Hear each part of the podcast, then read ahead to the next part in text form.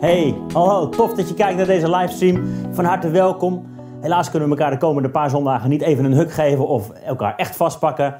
Maar gelukkig is er deze mogelijkheid om toch kerk te zijn samen, om toch elkaar te bemoedigen, samen het woord in te duiken. Een mooie vorm. Dus tof dat je kijkt. Deel deze stream. Je kunt online eventjes meekletsen. Uh, van harte welkom. Leuk, dat gaan we samen proberen de komende paar weken. We weten niet hoe lang dit duurt. Maar voorlopig is dit de vorm die we kiezen. Volgende keer zal er waarschijnlijk muziek bij zijn. We kijken wel. Maar tof dat jij er bent. Tof dat ik er ben. Hey, en we gaan uh, zo samen door met uh, uh, ons onderwerp, The Promise. We kijken naar het boek Jozua, daar gaan we samen doorheen. maar eerst wil ik iets zeggen tegen de kinderen. Ik weet niet of je het appje hebt gezien van Mirjam, anders moet je maar even aan papa of mama vragen. Maar zij had een heel goed idee. Mirjam zei, in heel Ede, in heel Nederland, maar ook in heel Ede, zijn de verzorgingshuizen dicht. Dus de oudere mensen die, die toch vaak al alleen zijn, mogen nu geen bezoek meer ontvangen. Ze mogen de deur niet uit. Het is gevaarlijk voor hen, dit virus. En zou het niet tof zijn om ze te laten weten dat ze niet alleen zijn? Dat God van ze houdt, dat God voor ze zorgt. En dat kan op deze manier. Maak een mooie tekening en stuur hem op naar een verzorgingshuis. Je kunt in de buurt wat opzoeken. Misschien ken je zelfs mensen in de buurt. Maak een mooie tekening. En wat je ook zou kunnen doen, vraag God eens om een goed idee. God die kent al die mensen bij naam. God die weet precies wat ze nodig hebben. Vraag God om een goed idee, maak een mooie tekening en stuur hem op. En wie weet wat voor mooie, bijzondere dingen er gaan gebeuren. Dus dat zou heel tof zijn. Vraag het even aan je ouders, doe dit samen, maak iets moois en laat zien dat God van mensen houdt. Heel praktisch idee. Dankjewel Mirjam, super tof dat je daaraan dacht. Hey, we gaan verder met uh, wat ik al zei, ons thema. The Promise. We zijn zo door het boek van Jozua aan het uh, lopen, aan het doorlezen. En we zijn begonnen met de doortocht door de Jordaan. Het staat allemaal op, op, eh, op onze website. Je kunt het rustig nalezen, naluisteren. De doortocht door de Jordaan. Hoe nemen wij ons beloofde land in? Wat is ons beloofde land? Die vraag stelden we aan elkaar. Wat is jouw beloofde land? Welke belofte heeft God voor jouw leven? Daar, zijn we mee bezig geweest. De week daarna hebben we gekeken naar Jericho. De inname van een oninneembare stad. Dikke muren die vielen. Omdat het volk gehoorzaam was aan wat God had gezegd. Daar hebben we naar gekeken. Vorige week, ja, toen konden we ook niet bij elkaar zijn. Toen hadden we een videootje gemaakt ook over Ai. Kijk er maar terug. En vandaag gaan we aan de gang ja, met iemand met wie jij en ik ons misschien best heel goed kunnen identificeren. Iemand ja, die nooit echt nummer één zou kunnen zijn misschien. Er is altijd wel iemand die beter is in, in sport bijvoorbeeld. Dat was in mijn geval. Er is altijd wel iemand die beter is in sport. Er is altijd wel iemand die slimmer is in studies. Er is altijd wel iemand die meer succesvol is in werk. Er is altijd wel iemand die meer gezalfd lijkt in zijn bediening. Nou, zo iemand was Caleb dus ook. Caleb komt nota bene voor in het boek Jozua, genoemd naar de grote nummer 1. En Caleb is dan die, ja, die nummer 2, die misschien nooit zo erg opvalt. Maar ondertussen is zijn leven onwijs inspirerend. Nou, we gaan wat lezen samen. We zijn aangekomen in hoofdstuk 14 van het boek Jozua. Dus als je je bijbeltje voor je hebt liggen of je appje open hebt, lees eventjes mee. Het verschijnt ook hier achter mij op het scherm. We gaan lezen Jozua 14 vanaf vers 6. Toen kwamen de nakomelingen van Juda bij Jozua in Gilgal. Dus dit is al een end onderweg in het boek Jozua. Ze hebben al heel veel steden ingenomen. Het land wordt ingenomen, ingenomen, ingenomen. Het is echt een soort van momentum. Maar dan gebeurt dit. Caleb zegt tegen Jozua: U weet zelf van het woord dat de Heer tegen Mozes, de man van God, over mij en over u gesproken heeft. Toen, vroeger, in Kades Barnea. Ik was toen 40 jaar oud, toen Mozes, de dienaar van de Heer, mij vanuit Kades Barnea uitstuurde om het land te verkennen. En toen ik hem verslag uitbracht zoals het in mijn hart was. Maar mijn broeders, die met mij opgetrokken waren, deden het hart van het volk smelten. Ikzelf echter volhardde erin de Heer mijn God na te volgen. En toen zwoer Mozes op die dag: Het land dat uw voet betreden heeft, zal voor eeuwig voor u en uw kinderen tot erfelijk bezit zijn, omdat u erin volhard hebt de Heer mijn God na te volgen. En zie, nu heeft de Heer mij in het leven behouden, zoals hij gesproken heeft. Het is nu 45 jaar geleden dat de Heer dit woord tot Mozes gesproken heeft, toen Israël door de woestijn trok. En nu, zie, ik ben vandaag 85 jaar oud. Ik ben vandaag nog even sterk als ik was op de dag toen Mozes mij uitstuurde. Zoals mijn kracht toen was, zo is mijn kracht nu. Om te strijden en om uit te gaan en om in te gaan. Nu dan, geef mij dit bergland waarover de Heer op die dag gesproken heeft. U hebt zelf immers op die dag gehoord dat daar de Enakieten, tussen haakjes reuzen, waren en grote versterkte steden. Misschien zal de Heer met me zijn, zodat ik hen verdrijf zoals de Heer gesproken heeft. En toen zegende Jozua hem en hij gaf Caleb Hebron als erfelijk bezit, omdat hij erin voor hart had de Heer, de God van Israël, na te volgen. Eventjes tot hier. Zullen we samen bidden? Heere God, dank u wel voor de mogelijkheid om op deze manier samen te komen. Dank u wel dat u nog steeds God bent, dat u nog steeds regeert en dat uw kerk niet ophoudt te bestaan. Ook al moeten we nu een andere vorm kiezen, u gaat door met wat u begonnen bent. U bent nog steeds onze rots, u bent nog steeds onze redder. Heer, we willen u vragen om ons te zegenen, ook als we zo samen de Bijbel doorgaan.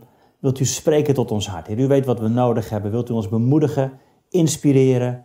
Wilt u ons leiden in deze tijd? In Jezus' naam. Amen. Amen.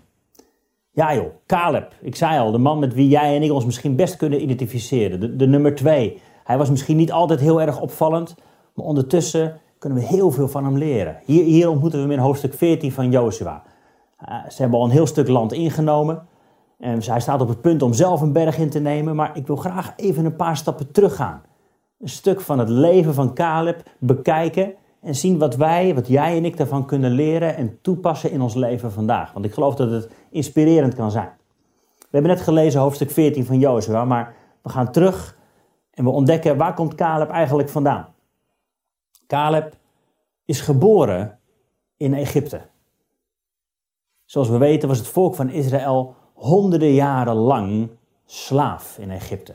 Ooit waren ze geen slaaf. Hè? Ooit kwamen ze het land binnen toen Jozef daar de onderkoning was. Toen hij dit voor het zeggen had. Toen er bijzondere dingen gebeurden.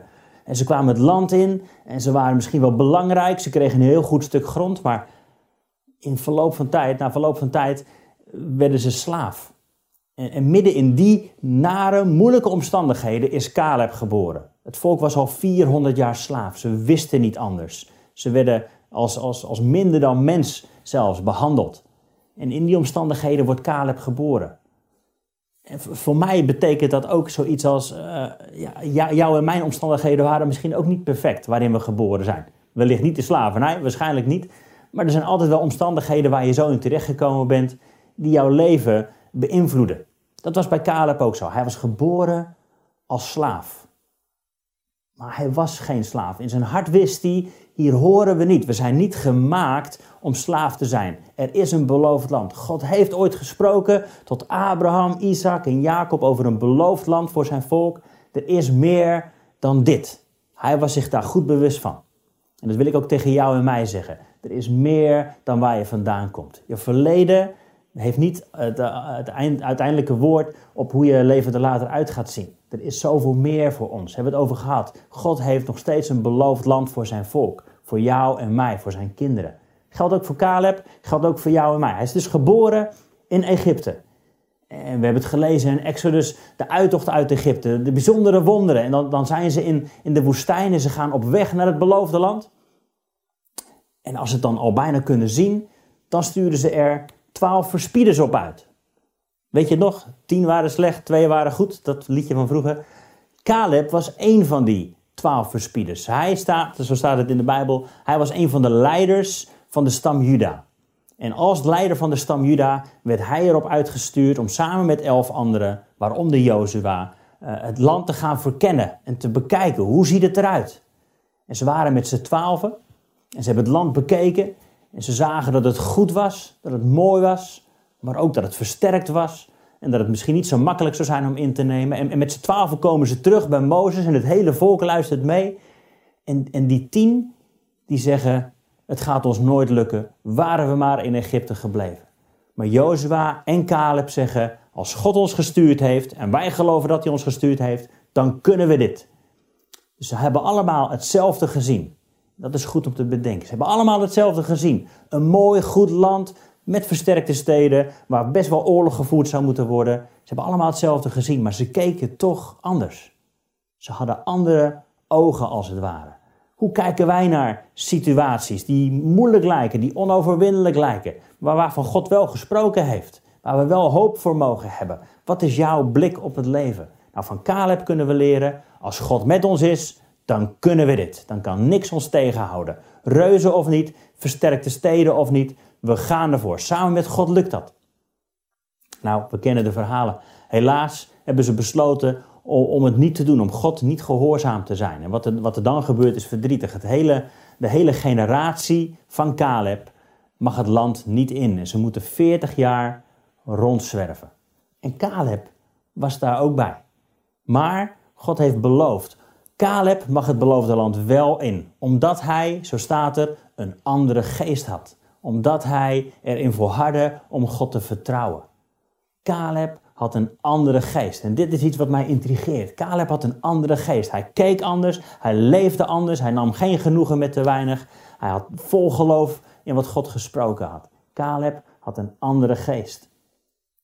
Kom ik straks op terug. Maar dit is iets, hoop ik, waar jij en ik op kunnen kouwen. Wat betekent dat voor ons in deze dagen, waarin we ook misschien omringd worden door moeilijke omstandigheden? Alles is in één keer anders. Het leven staat op zijn kop. Maar jij en ik, wij hebben een andere geest gekregen. En dan, ik zei het al, 40 jaar een onverdiende woestijn. Caleb had niks fout gedaan. Hij was trouw geweest. Hij had het goed gedaan. Hij had een goed rapport uitgebracht. Hij had vol geloof keek hij naar, naar Mozes en naar het land. Hij had het goed gedaan. Maar omdat andere mensen een fout hadden gemaakt, moest hij mee terug de woestijn in en 40 jaar rondzwerven. 40 jaar. Kun je je voorstellen dat je 40 jaar in zo'n woestijn loopt en elke dag weet: het is niet mijn schuld, ik heb het niet fout gedaan, ik kan er niks aan doen, maar ja, ik loop hier nou toch. Hoe heeft hij zich gevoeld?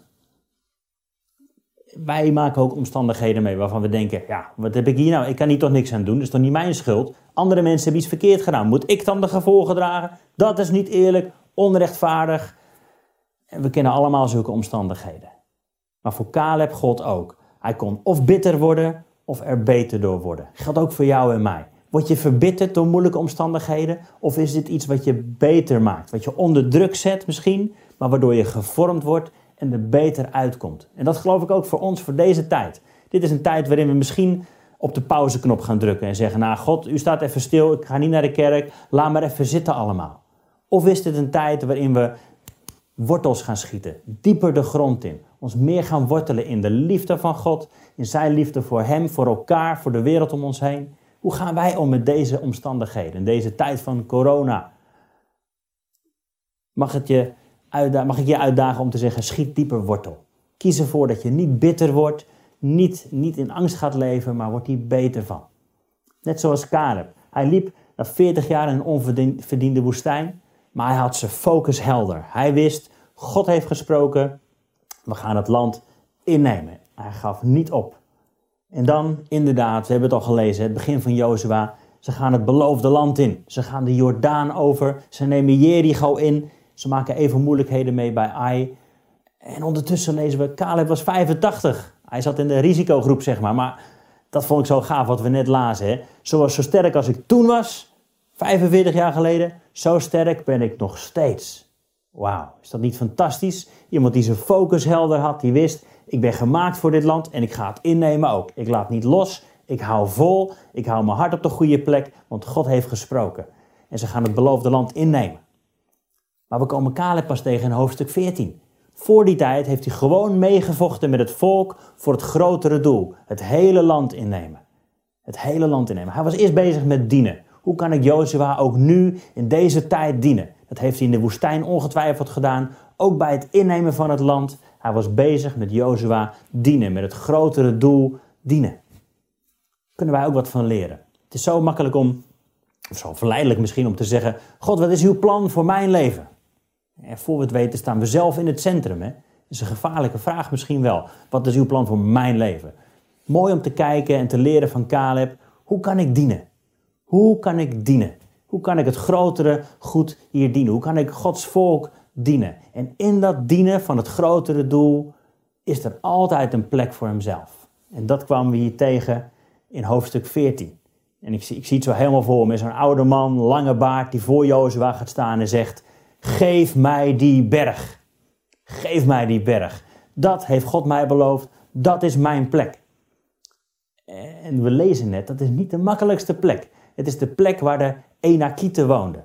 De Enakieten, de reuzen. Het is niet de makkelijkste plek. Maar van Caleb weet, daar moet ik wezen. En ook al wordt het moeilijk, ook al wordt het pittig, God heeft me dit beloofd. Hij was heel strijdbaar. Hij was niet van zijn stuk te brengen. Geef mij die berg. En dat is een houding. Ah, ik zou willen dat we dat als hele kerk zouden, zouden leren, omarmen, ons eigen zouden maken. Geef mij die berg. God, u heeft mij beloftes gegeven. Ik sta erop. Ik hou eraan vast. Ik ga ervoor. Geef mij die berg. Zou het niet fantastisch zijn als we die geest in ons zouden hebben? Steeds meer en meer. Maar daar houdt het verhaal van Caleb niet op. Hij gaat door. En dat lezen we verderop in Jozua 15. Caleb heeft die berg ingenomen. Maar hij inspireert ook de volgende generatie. Hij inspireert een generatie die na hem komt om ook te wandelen met moed, met lef, geïnspireerd te zijn door het woord van God. En dat is iets, daar kunnen we ook van leren. Natuurlijk is het fantastisch als we zelf zeggen, tot op hoge leeftijd, ik ga ervoor. Maar wat laten we achter? Wat is onze erfenis naar de generaties die na ons komen? Hoe inspireren we de mensen die na ons komen? hebben we nodig om te doen. Dat is belangrijk. Hij inspireert de volgende generatie. Ik wil zo gaan afronden, maar ik wil toch nog even hierbij stilstaan. Caleb had een andere geest. Een andere geest. In 2 Timotheus 1 lezen we dit: dat God heeft ons niet gegeven een geest van angst, maar van kracht en liefde en bezonnenheid. We kunnen heel veel leren van Caleb. En als je straks op de website kijkt, connectkerk.nl, dan kun je ook wat verwerkingsvragen downloaden. Er staat een korte samenvatting op van deze overdenking. Met daarnaast een paar vragen die je zelf kunt beantwoorden of in je kleine groep kunt beantwoorden. Via WhatsApp of Skype of FaceTime of wat voor digitaal platform jullie ook kiezen. Maar duik daarin met elkaar. Je leert ervan. Maar uiteindelijk, vandaag, hier en nu, weten ook wij, we hebben een andere geest gekregen. We hoeven niet gebukt te gaan onder angst. Als we dat voelen, als we dat ervaren, wil ik tegen je zeggen: God heeft je niet gegeven een geest van angst, maar van kracht en liefde en bezonnenheid. En ik bid je zo toe dat je ervaart dat de Heilige Geest in je is, bij je is. Dat je niet alleen bent, maar dat Hij je wil bekrachtigen en vullen en inspireren om juist ook nu uit te delen van Zijn liefde. Om juist nu iemand te zijn die gevuld is met kracht, met een rotsvaste zekerheid. Natuurlijk waait het om ons heen, natuurlijk stormt het om, om ons heen. Het, het, kan een hele rare tijd voelen misschien als alles even anders is. Maar midden in wat voor omstandigheden dan ook weten we, wij zijn geworteld en gegrond in Gods liefde voor ons. We hoeven het niet alleen te doen. Je hebt zijn Heilige Geest gekregen die bij je is. En daar wil ik je mee zegenen. Met die geest van zijn beloften. De geest die je troost, de geest die je kracht geeft, de geest die je ook helpt om zijn liefde te ervaren en uit te delen. Dus dat wil ik je toebidden. Duik dit verhaal in, maak het je eigen en ervaar, jij hebt een andere geest. De Heilige Geest van God leeft in je. Je bent niet alleen, Hij vult je, Hij is voor je, Hij is met je. Dat wil ik voor je bidden. Mag ik dat nu eventjes doen? Vader, dank u wel dat u goed bent. Heer, dank u wel dat u nog steeds leeft en spreekt en dat u ons wilt oprichten in uw kracht. Juist in onze zwakheid, juist in onze onzekerheid of twijfel, wilt u uw kracht laten zien. Heer, en daar wil ik ons mee zegenen. Ons als gemeente, als Connectkerk, maar ook hier in Ede de kerken samen, ook in Nederland de kerken samen. Ik wil ons zegenen met die geest van kracht en liefde en bezonnenheid. Dank u wel dat u ons wilt inspireren, dat u ons wilt bekrachtigen en wilt leiden, juist in deze tijd, om uw licht te zijn, om uit te delen, om zelf vervuld te zijn, maar ook om uit te kunnen delen. Dat bid ik zo in Jezus' naam. Amen. Amen. Hey, ik ga afsluiten met een paar korte, praktische dingetjes. Ik heb al eerder gezegd, het is belangrijk dat we deel zijn van een klein groepje. En, en nu blijkt waarom. Het is belangrijk dat we contact hebben met elkaar, om elkaar te bemoedigen, om te inspireren, om even te vragen, kan ik je helpen? Weet je, en er zijn heel veel digitale platforms waarmee we dat nu kunnen doen. Dus ik zou je willen aanmoedigen, ben je deel van een connectgroep? Rijk naar elkaar uit. Zoek elkaar eventjes via je telefoon, via je laptop op. Maak vaker contact dan je dat in het verleden deed. En ook als je nog niet in de connectgroep zit, ook mensen buiten je groepen, maak even wat vaker contact. Stuur een kaartje, stuur even een appje, bel eventjes. Het is zo makkelijk, maar het doet zoveel voor mensen om je heen. Dus wees jij de eerste die die stap zet. Zet de volumeknop wat harder, laat je stem horen, rijk uit. Nou, dat geldt ook voor ons naar Connect Kerk. Dus wij proberen ons best te doen om op allerlei verschillende manieren uit te reiken. We hebben een, een WhatsApp-groep, we hebben een nieuwsbrief via de website, via alle social media kanalen willen we naar jou uitreiken. Dus hier achter, achter me zie je wat, wat verschijnen. Je kunt je inschrijven op onze nieuwsbrief via de site. Like ons eventjes op Facebook, uh, Instagram, Twitter, weet ik het. Maak daar gebruik van. Blijf in contact. Blijf in contact. Als laatste willen we je vragen, is ook belangrijk, hoort er ook helemaal bij, uh, om te blijven geven. Misschien denk je, nou weet je wat, we hebben even geen diensten, ik uh, neem mijn zakje geld niet mee naar de collecte. Weet je, doe het online, ga eventjes naar connectkerk.nl slash geven. Dan kan het gewoon via Ideal. Belangrijk om ook op die manier gewoon mee te blijven bouwen aan de kerk. Juist ook in deze tijd, wanneer we toch andere kosten moeten maken met aanschaffen van andere dingen die, die we normaal gesproken niet zo snel zouden doen. Belangrijk om dat te blijven doen. En als laatste dan, elke zondag, komende weken, tot nader order, is er een livestream om half elf. Via connectkerk.nl, via YouTube. Deel het met elkaar, deel het met anderen. Uh, toffe manier om elkaar te blijven bemoedigen. Volgende week zal er wat muziek bij zijn waarschijnlijk. Ook tof om samen te kunnen aanbidden. Misschien ook wel een beetje gek vanaf je bank met een kopje koffie erbij.